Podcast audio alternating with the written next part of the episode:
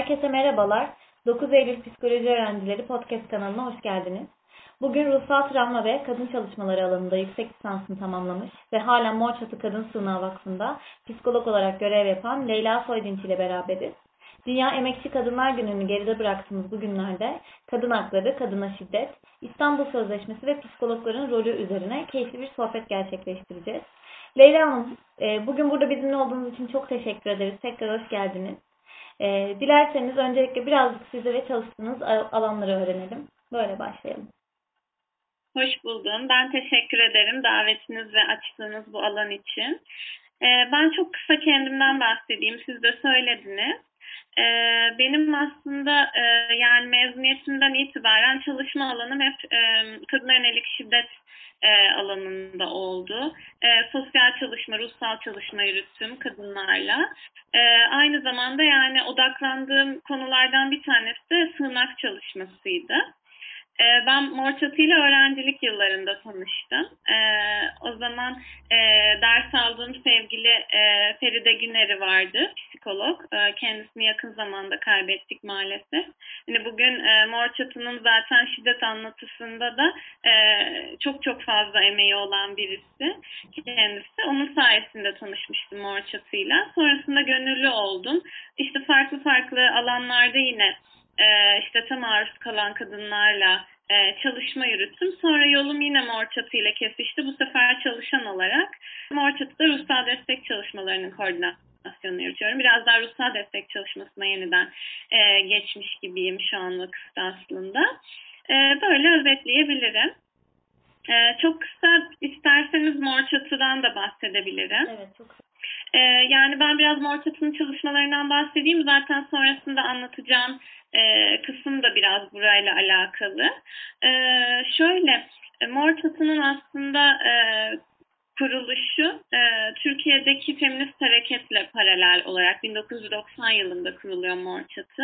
E, feminist bir kadın örgütü ve e, dediğim gibi Türkiye'de o dönemler e, aslında olgunlaşmakta olan, e, zaten öncesi de olan tabii ki bir kadın hareketi, bir feminist hareket var. Fakat hani dünyada da olduğu gibi daha çok işte ikinci dalga feminist hareket olarak tanımlanan, daha çok e, kadınların ev içinde yaşadıkları, şiddete e, odaklandıkları, bu konuda dikkat çekilen ve mücadele yürütülen bir e, dönem var aslında. Türkiye'de bu biraz 80'lerin sonu 90'ların başına denk geliyor. E, Mor Çatı'nın kurulması da tam bu dönemde oluyor aslında. Kadınlar tarafından e, kuruluyor. Şiddete maruz kalan kadınların e, tabii ki bu şiddetten uzaklaşmak için bir takım talepleri var. İşte kadın danışma merkezleri, sığınaklar. E, bunlar da feminist mücadelenin bir parçası o dönemlerde. Ve bu konuda tabii ki kadın dayanışmasını örgütlemek bir günden. E, o noktada da Mor Çatı önce dayanışma merkezi çalışmasıyla başlıyor. Şu anda da hala sürdürüyoruz çalışmayı. E, şöyle yani Mor Çatı'da e, dayanışma merkezinde gün içerisinde kadınlar e, telefon yoluyla, e-posta yoluyla ya da bazen kapıdan gelerek e, başvuruda bulunabiliyorlar Mor Çatı'ya. E, bazen sadece yaşadıkları şiddetle ilgili paylaşımda bulunmak için arayabiliyorlar. Bazen şiddetten uzaklaşmak için ihtiyaç duydukları desteklere erişmek için bizi arayabiliyorlar yapıyorlar. Ee, burada sosyal çalışmacılar ilk başvuruyu alıyor. İşte telefonla, e, yazışarak ya da yüz yüze görüşmelerle dayanışma kurmaya çalışıyoruz e, kadınlarla. İşte birçok destek ihtiyacı da gelebiliyor bu noktada tabii ki işte e, hukuki destek olabilir, e, psikolojik destek olabilir, sosyal destek ya da sosyal yardımlar olabilir. E, bir kadının şiddetten uzaklaşma sürecinde varsa çocuklarıyla birlikte tabii ki birçok farklı desteğe ihtiyacı olabiliyor.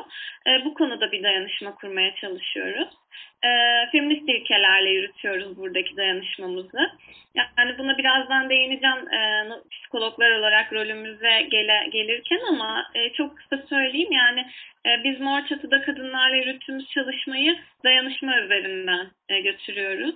E, kendimizi böyle bir yardım kurumu, hayır kurumu gibi koymuyoruz. Biz bir kadın örgütüyüz.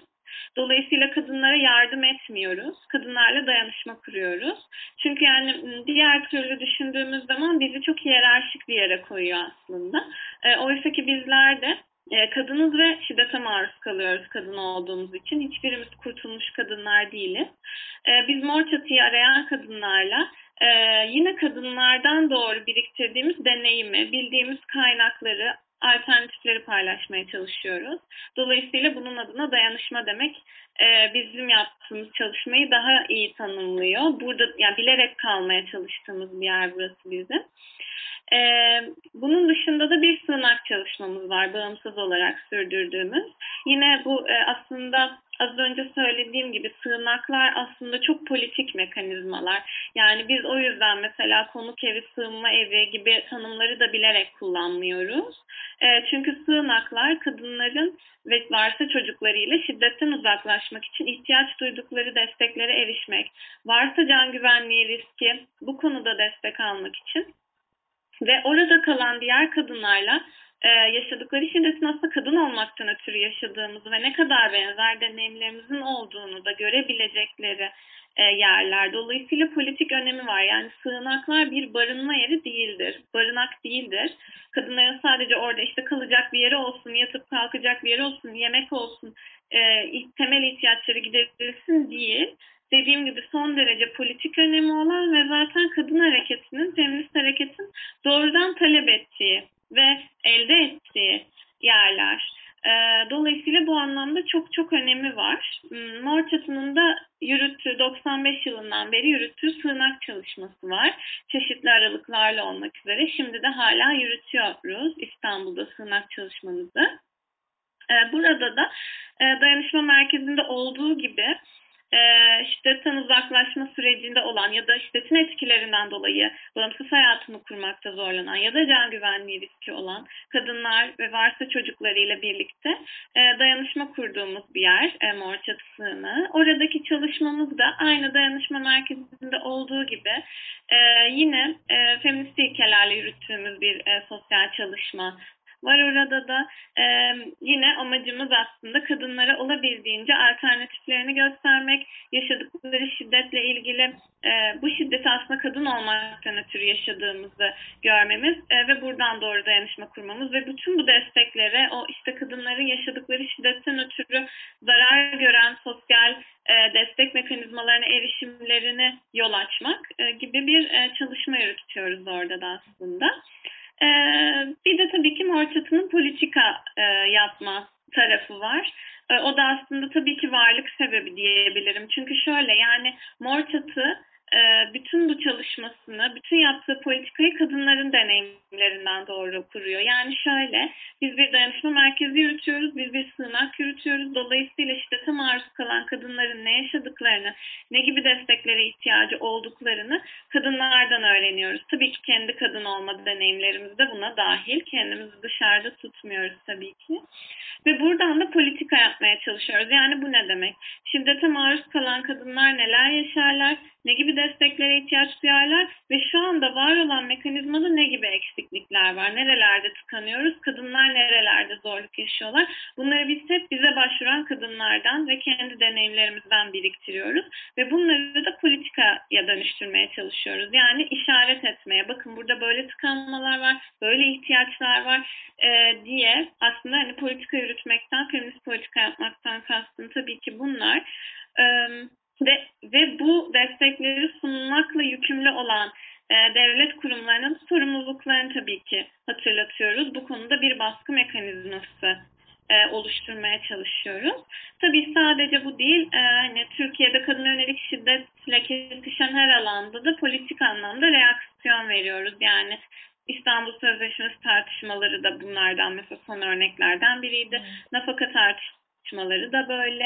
E, bu alanda dediğim gibi kadın yönelik şiddet alanına e, la kesişen herhangi konularda e, politik anlamda da reaksiyon verip e, buraya dair sözümüzü söylüyoruz.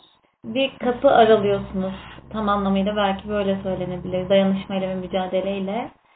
E, gerçekten günümüzde özellikle bu kadar şiddet olaylarının arttığı, e, bu konunun bu kadar tartışıldığı, farklı e, seslerin olduğu, biraz da saçma seslerin olduğu bir ortamda çok değerli çalışmalar.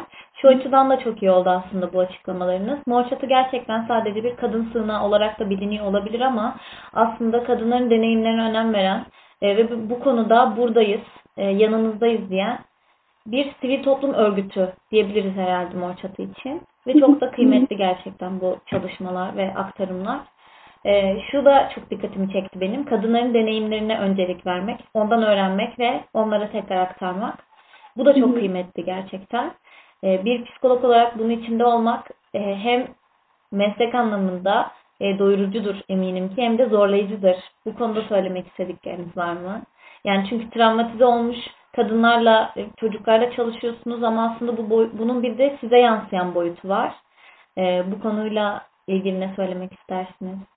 Ee, Yani şöyle tabii ki e, biraz çalışmadan e, bahsederiz birazdan zaten oralarda daha net olur ama e, şöyle söyleyeyim yani hem sadece ruhsal çalışmada değil sosyal çalışmayı da katıyorum. Yani kadınlarla doğrudan dayanışma kuran bütün çalışmacıları aslında katıyorum. Hepimizin tabii ki de e, kendi bir kere zaten kadınlık deneyimlerimiz ve şiddet deneyimlerimiz var ve tabii ki de e, şiddet deneyimlerini dinlemek, kadınlarla bu anlamda dayanışma kurmanın elbette bizde başka bir karşılığı oluyor ve bu yatsınamaz. E, ama e, bizim de tabii ki kendimizi koruyacağımız, koruduğumuz bir takım yollar var. Şimdi bunlardan bazıları daha mesleki yollar. Onları da söyleyeceğim ama oraya gelmeden önce bizi e, koruyan e, bu meseleden yani bu aslında hmm, bizim de dinlediğimiz şiddet e, deneyimlerinin etkileriyle ilgili söylüyorum. Bizi koruyan şeylerden en önemlisi aslında feminist mücadele içinde olmak ve örgütlü olmak. Feminist yaklaşımımız.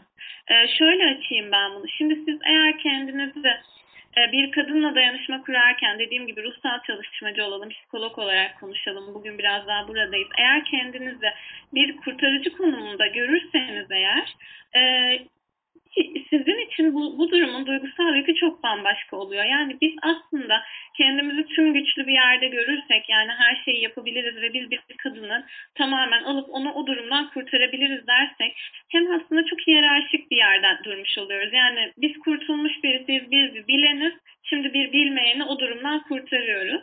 Hem bu kadını çok edilgin e, yapan bir yer oluyor.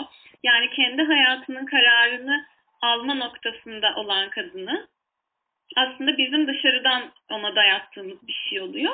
Hem de bu gerçekçi değil. Biz hiç kimseyi kurtaramayız. Hepimiz kendi hayatlarımızın sorumluluğunu alabiliriz. Bir başkamızınkini değil. Bu zaten dediğim gibi yapmaya çalışsak da gerçekçi de olmuyor. Ve bir süre sonra zaten dediğim gibi karşımızdaki kadın için de ben daha iyi bilirim demek aslında şiddet uygulayanın e, yaptığı şeyin yeniden üretilmesi de oluyor bir yanıyla. Çünkü zaten bizlere kadınlar olarak hep şunu yapsan daha iyi olur. Bence böyle yapmalısın, şöyle giyinmelisin, böyle davranmalısın deniyor. Biz de bir kadın için daha iyisini bildiğimizi düşünerek onu kurtarmaya çalışırsak biz de aslında bu, bu buraya doğru çekilmiş oluyoruz. Ee, bir de zaten işin ben şöyle de bir boyutu var. Dediğim gibi bu da gerçekçi olmadığı için biz kendimizi kurtarıcı görürsek ve bunu yapamadığımız her durumda ki zaten yapamayız. Bu sefer e, öfkelenmeye, hayal kırıklığı uğramaya çok çok daha fazla yatkın hale geliyoruz. Yani tabii ki biz zaten ruhsal destek sürecinde elbette öfkelenebiliriz, elbette duygusal yatırımlar yapabiliriz olumlu ya da olumsuz. Bunların hepsini çalışmamız gerekir ruhsal çalışmacı olarak. Ama biz dediğim gibi kurtarıcı bir yerde görürsek kendimizi bu öfkemiz çok daha büyük olabilir. Neden benim dediğimi yapmadı? Bu yola neden gitmedi? Ya da dediğim gibi hayal kırıklığı olabilir. Neden oraya geri döndü? gibi. Dolayısıyla çok büyük duygularla baş başa kalırız. O yüzden bizi koruyan hani en önemli şeylerden biri bizim feminist yaklaşımımız. Yani kadınların kendi kararlarını almasına alan açan bir yerde durmak. Onun alanına girmemek, onun sınırını ihlal etmemek meselesi. Bu bir kısmı. E, ikinci kısmı tabii ki mesleki. Yani elbette yaklaşımımızın bizi koruyan tarafı var. Örgütlü olmamız, feminist mücadele içinde olmamız vesaire. Ama bir yandan da tabii ki de şeylerle de kendimizi destekliyoruz. Hani e, süpervizyonlarla da elbette kendimizi destekliyoruz. Ya da başka başka öz bakım e, meseleleri var travma çalışanları olarak. E, hem akran süpervizyonları hem e, klinik süpervizyonlarımızı ihmal etmemek, sürekli bir arada olmak, birbirimizi gözetmek hallerimiz var. E, bize iyi gelen, e, mesleki şeyler dışında iyi gelen her şeyi yapmaya alan açmak, kendimizi bu anlamda unutmamak gibi zaten e, travma çalışanların ya da bütün ruhsal çalışmacıların zaten gündeminde olması gereken şeyler bizim de gündemimizde. Buna ek olarak. Evet gerçekten e, bunlar da çok faydalı olacaktır eminim bu alanda çalışmayı düşünenler için. Öncelikle buna inanmak ve bu mücadelede var olma e, motivasyonuna sahip olmak önemli anladığım kadarıyla. E, biraz da şundan bahsetmek istiyorum aslında işin şiddet boyutu ve kadına şiddet boyutu. E, yeni yeni kavramlar, atölyeler, çalışmalar ortaya çıkıyor, e, bilgileniyoruz vesaire ama aslında kadına şiddet deyince çoğumuzun aklına sanırım biraz daha fiziksel boyutu geliyor. Ama bugün baktığımız zaman bu işin ekonomik boyutu, psikososyal boyutu, duygusal boyutu da e, çok büyük bir yük. E, size bu şekilde peki başvurular oluyor mu? Yani genelde fiziksel şiddet başvuruları mı alıyorsunuz yoksa artık yavaş yavaş kadınlar kendilerine uygulanan ekonomik ve psikolojik baskının da farkında diyebilir miyiz? Evet kesinlikle diyebiliriz. Ee, önce biz nasıl şiddeti tanımlıyoruz? Belki biraz onu koymak iyi olur sizin açtığınız sorudan. Ee, öncelikle biz aslında kadın yönelik şiddeti şöyle tanımlıyoruz. Yani kadınlara cinsiyetlerinden ötürü, kadın olmalarından ötürü uygulanan ve kadınları kontrol etmek, kadınlar üzerinde güç göstermek için e, uygulanan sistematik davranışlar olarak tanımlıyoruz. Dolayısıyla, dolayısıyla şuraya bir parantez açayım. Yani şiddeti biz bir öfke kontrolü sorunu ya da bir ruh sağlığı bozukluğu olarak görmüyoruz. Şiddet uygulamanın bilinçli, seçimli e, bir e, tercih olduğunu, aslında erkekler tarafından kadınları kontrol etmek, kadınlar üzerinde güç göstermek için uygulandığını ve sistematik bir biçimde uygulandığını, bu amaca yönelik uygulandığını düşünüyoruz. E, bu Burayı bir koymak önemli. Bunun dışında da bütün şiddet türlerine aynı yerden, buradan bakmaya çalışıyoruz. Ee, tabii ki sadece fiziksel şiddet değil. Evet tabii ki önce öncelikle e, görünür olan, daha sonuçlarını daha rahat ortaya koyabildiğimiz bir şiddet biçimi olarak fiziksel şiddet biraz daha rahat konuşulabilir, rahat e, e, politikası yapılabilir e, bir durumdaydı bu iş başladığında. Hatta e, Türkiye'deki aslında 87 yılındaki ilk e, büyük kamusal e, eylem diyeceğim bu konuda dayağa karşı yürüyüş ismi. E, bunun bir anlamı var. Öncelikle buradan başladık biz mücadele etmeye. Şimdilerde psikolojik şiddeti de konuşabilir oluyoruz. Tabii ki bu şu demek değil. Yani lütfen öyle anlaşılmasın. Psikolojik şiddet yeni yeni bizim hayatımızda değil. Şiddet her türüyle her zaman kadınların hayatlarındaydı. Sadece e, bu anlamda tanımlamalarımız, isimlendirmelerimiz, bu konuda politika yürütme hallerimiz değişti.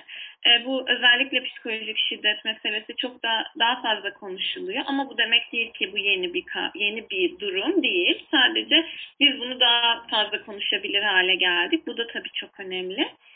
E, ama dediğim gibi biz mor çatı başvurularını sormuştunuz. Oraya geleyim. Yani mor çatıda e, aslında şunu görüyoruz biz başvuran e, kadınlarda e, sadece tabii ki evlilik içerisinde değil ne e, partnerinden maruz kaldığı şiddeti de ev içinde yaşadığı hatta kendi ailesinden gördüğü şiddeti de e, konuşuyoruz kadınlarla. Yalnızca e, böyle bir evlilik ilişkisi içerisinde de tanımlamıyoruz şiddeti. Ve genellikle kadınların şiddet deneyimlerinde şiddet türleri bir arada oluyor zaten. Yani ben şöyle bir şey hiç hatırlamıyorum kendi deneyimimizde. Fiziksel şiddet var ama hiç psikolojik şiddet yok. Yani böyle bir şey yok zaten. Çoğu zaman şiddet türleri bir arada geliyor. Bu çünkü çok şiddetin dinamiğiyle alakalı. Dediğim gibi o gücü ve kontrolü göstermek için kullanılan mekanizmalar çoğu zaman birbirine e, hizmet ediyor, birbirini besliyor. Dolayısıyla her türlü e, kontrolü e, uygulamaya hakkının olduğunu görmesi. Çünkü bu cinsiyet sistemi, bu patriarkal sistem, toplumsal cinsiyet rolleri erkeklere ciddi bir özgürlük alanı tanımlıyor. Nerede ne isterse her şeyi yapabileceğine dair. Dolayısıyla o ilk yere bağlayacağım. Yani öfke kontrol etme becerisinden yoksun oldukları için değil. Orada o şiddeti uygulama hakkını, bu özgürlüğü kendilerinde gördükleri için şiddet uyguluyorlar. E, hatta Feride'nin güzel bir sözü vardı. Yani şiddet uygulamayı bir davranış biçiminden çok bir düşünce biçimi olarak tanımlar mesela tanımlamıştı. Bu bana çok kıymetli geliyor. Çünkü gerçekten beslendiği yer e, bir düşünce biçimi. Yani e, kadınlar böyle böyle davranmalı kadınlar bunu yapar erkekler bunu yapar böyle yapmalıdır aslında tam olarak dediğim gibi o son derece imtiyazlı ve ayrıcalıklı olan e, erkeklerin aslında e, hak görmesi dediğim gibi ve bunun bu bir davranıştan çok geniş bir düşünce biçimini e, işaret ediyor. Dolayısıyla da bütün şiddet türlerini buradan tanımlayabiliyorsunuz o noktada. Hemen şöyle söyleyeyim. Örneğin e, işte fiziksel şiddeti ele alalım. Erkeğin kadının üzerindeki gücü ve kontrolü göstermesi fiziksel güç yoluyla oluyorsa bu fiziksel şiddet oluyor. Eğer bu e, gücü ve kontrolü göstermek kadının doğrudan e, psikolojik ihtiyaçlarına yönelik oluyorsa, kadının duygu dünyasına, kendilik algısına, dış dünyaya algısına dair oluyorsa ve bütün bu psikolojik mekanizmaları kullanıyorsa bu psikolojik şiddet oluyor.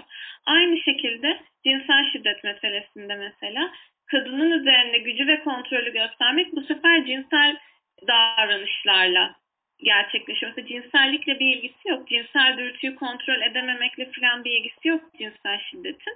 Az önce dediğim gibi yani o gücü ve kontrolü, güç bende, kontrol bende ve ne istersem her şeyi yapabilirim göstermenin bir aracı sadece.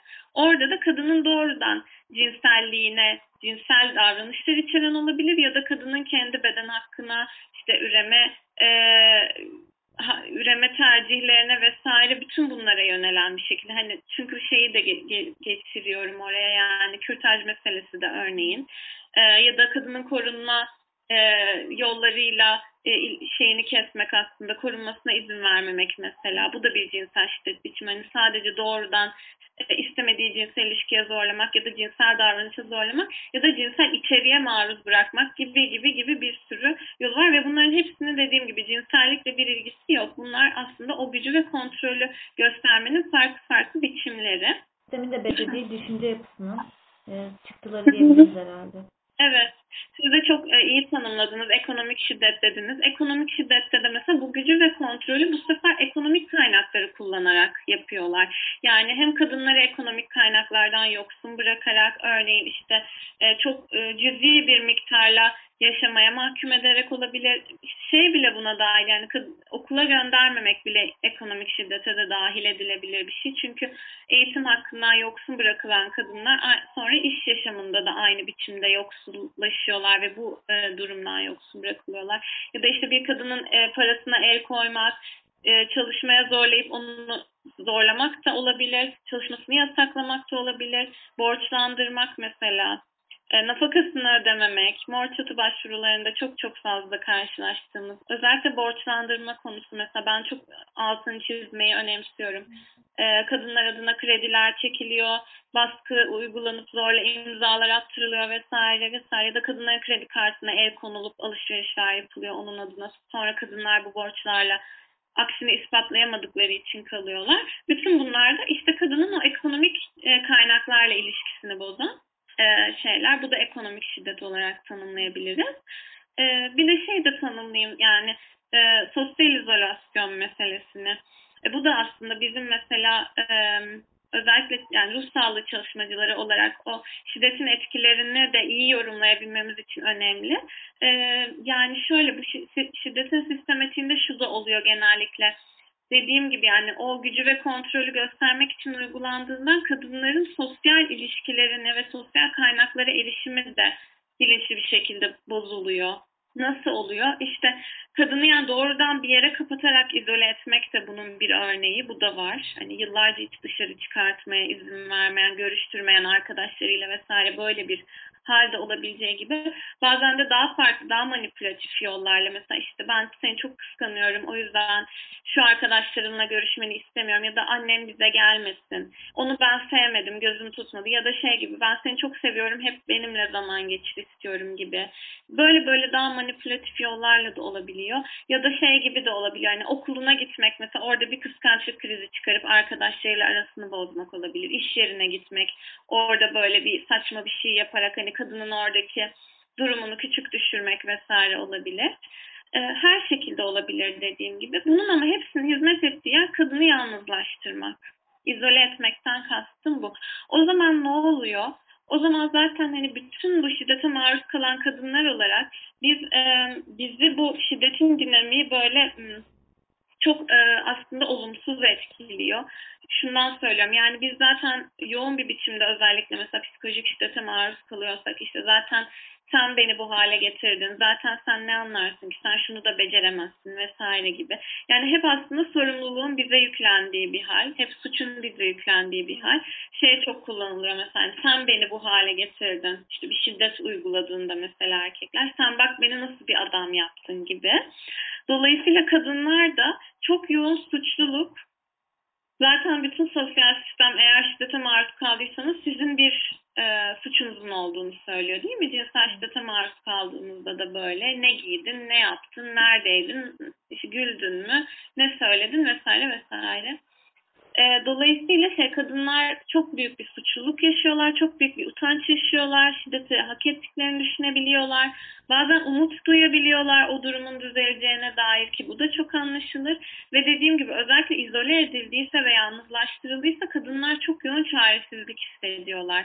Yani şey gibi ben artık bu kişiye mahkumum, ben bu kişiden gayrı hiçbir şey yapamam, yalnızım, beni artık kimse anlamaz gibi aslında şiddet uygulayanın o kullandığı yöntemler kadının gerçekliği haline gelebiliyor bir noktadan sonra.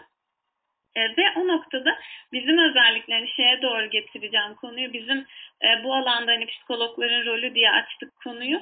Bizim bu e, meselelerle e, çalışmamız gerekiyor. Bu duygularla çalışmamız gerekiyor ve bunu anla öncelikle bir anlamamız gerekiyor. Yani bir kadın, şiddete maruz kalan bir kadın neler yaşar? Hangi ikircikli duygularla mücadele eder? Nasıl bir gerçekliği olur? Ne, nasıl hisseder? Bütün bunları da iyi bilmemiz gerekiyor. Biz zaten kadınlar olarak elbette yaşadığımız şiddet deneyimleri var ve bunun bilgisi var bizde.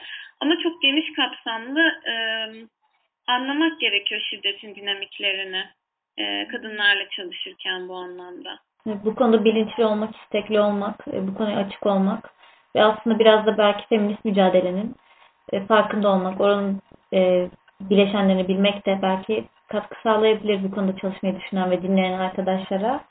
o zaman biraz da şuraya geçmek istiyorum. Yani biz biliyoruz ki psikologlar hayatın her alanında varlar. E, mesela şiddete uğrayan ya da uğrama tehlikesi olan kadınların, çocukların, ısrarlı takip mağduru bireylerin korunmasına yönelik bir yasa var bildiğimiz gibi. 6284 sayılı kanun, diğer bir adıyla İstanbul Sözleşmesi. Çok gündemde olan, nedense e, yok sayılmaya çalışan, çalışılan ve çok da uygulanmadığını bildiğimiz bir yasa. E, aslında kanun içeriğine baktığımız zaman oldukça kapsamlı ama sanırım uygulama aşamasında bir takım sorunlar yaşanıyor Türkiye'de. E, ve bu yasa kapsamında çalışan meslek, meslek gruplarından biri de psikologlar. Şunu merak ediyorum aslında ben. Yani psikologların şiddete maruz bırakılmış kadınların, çocukların e, rehabilitasyonunda rolü ne? Sizce? Bunu biraz konuştuk ama yani bu yasa bizleri ne kadar kapsıyor? Bize ne gibi roller biçiyor ve ne kadar gerçekleştirebiliyoruz aslında? Ee, şöyle başlamadan şurayı çok ufak bir e, ufak bir şey gireceğim, not gireceğim. Şu 6284 sayılı kanun bizim bir e, hani ulusal bir kanun. E, İstanbul Sözleşmesi e, bir Birleşmiş Milletler Sözleşmesi. Ay, pardon Avrupa Konseyi Sözleşmesi. SEDAV bir Birleşmiş Milletler Sözleşmesi.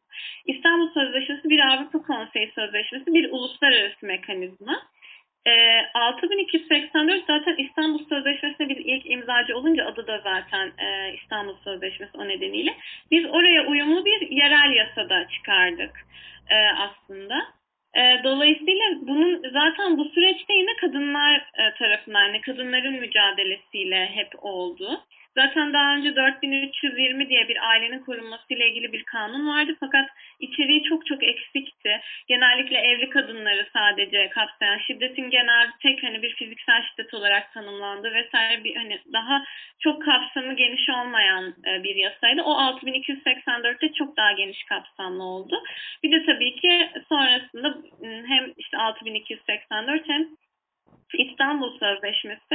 E, çok böyle hukuki kısımlara burada girmeye gerek yok ama şunu söyleyeyim en azından. Yani bu iki bir e, yasa ve bir sözleşme bunlar neden çok önemli? Doğrudan şiddete maruz kalan kadınların bir kere yaşadıkları şiddetin kaynağını tanımlamasıyla çok önemli. Yani az önce anlattığım aslında nereden geliyor? Şiddet aslında neden kadınlara uygulanıyor? Burayı koyması şiddetin türlerini koyması açısından ortaya sizinle konuştuğumuz çok önemli. E, şiddeti sadece evlilik içi ilişkide tanımlamaması açısından çok önemli. Bir de şimdi sizin sorunuz üzerinden aslında destek mekanizmalarını tariflemesi açısından çok önemli.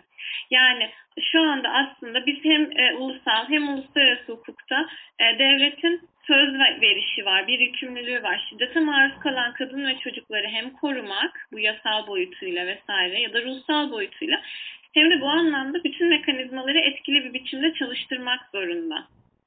Şimdi işin tabii birkaç boyutu var. Bir tanesi hani şiddete maruz kaldıktan sonra kadınlar hangi desteklere erişebilir? Bunları garanti altına alması gerekiyor bu sistemin. Ee, bunlardan biri de tabii ki ruhsal destekler. Hani az önce de söylediğim gibi aslında kadınların ruhsal desteğe ihtiyacı olabiliyor şiddetin etkilerinden uzaklaşmak için ya da sıcak şiddetten uzaklaşmak için. Dolayısıyla bizim rolümüz orada çok çok önemli. Ee, dolayısıyla erişilebilir ve kadınları yargılamayan, e, kadınları suçlamayan, e, bu buradan bakabilen, az önce söylediğim yaklaşımla bakabilen e, çalışmacıların e, hem sosyal çalışmacıların hem ruhsal çalışmacıların bu anlamda kadınlara destek meselesinde önemli bir rolü var. E, bir de tabii ki önleyici çalışmalar meselesi var. Bu da mesela İstanbul Sözleşmesi'nde de tanımlanan ve 6284'te de yani şiddet tehlikesi de bir aslında çalışmanın parçası. Şiddete maruz kalma riski de çalışmanın bir parçası. Dolayısıyla oralarda da bizim rolümüz tabii ki çok fazla. Hem şiddeti önlemek için aslında neler yapabilir ruhsal çalışmacılar? E, şiddetin gelme riski durumunda neler yapabilir? Sonra sıcak şiddetten sonrasında neler yapabilir? Aslında çok fazla.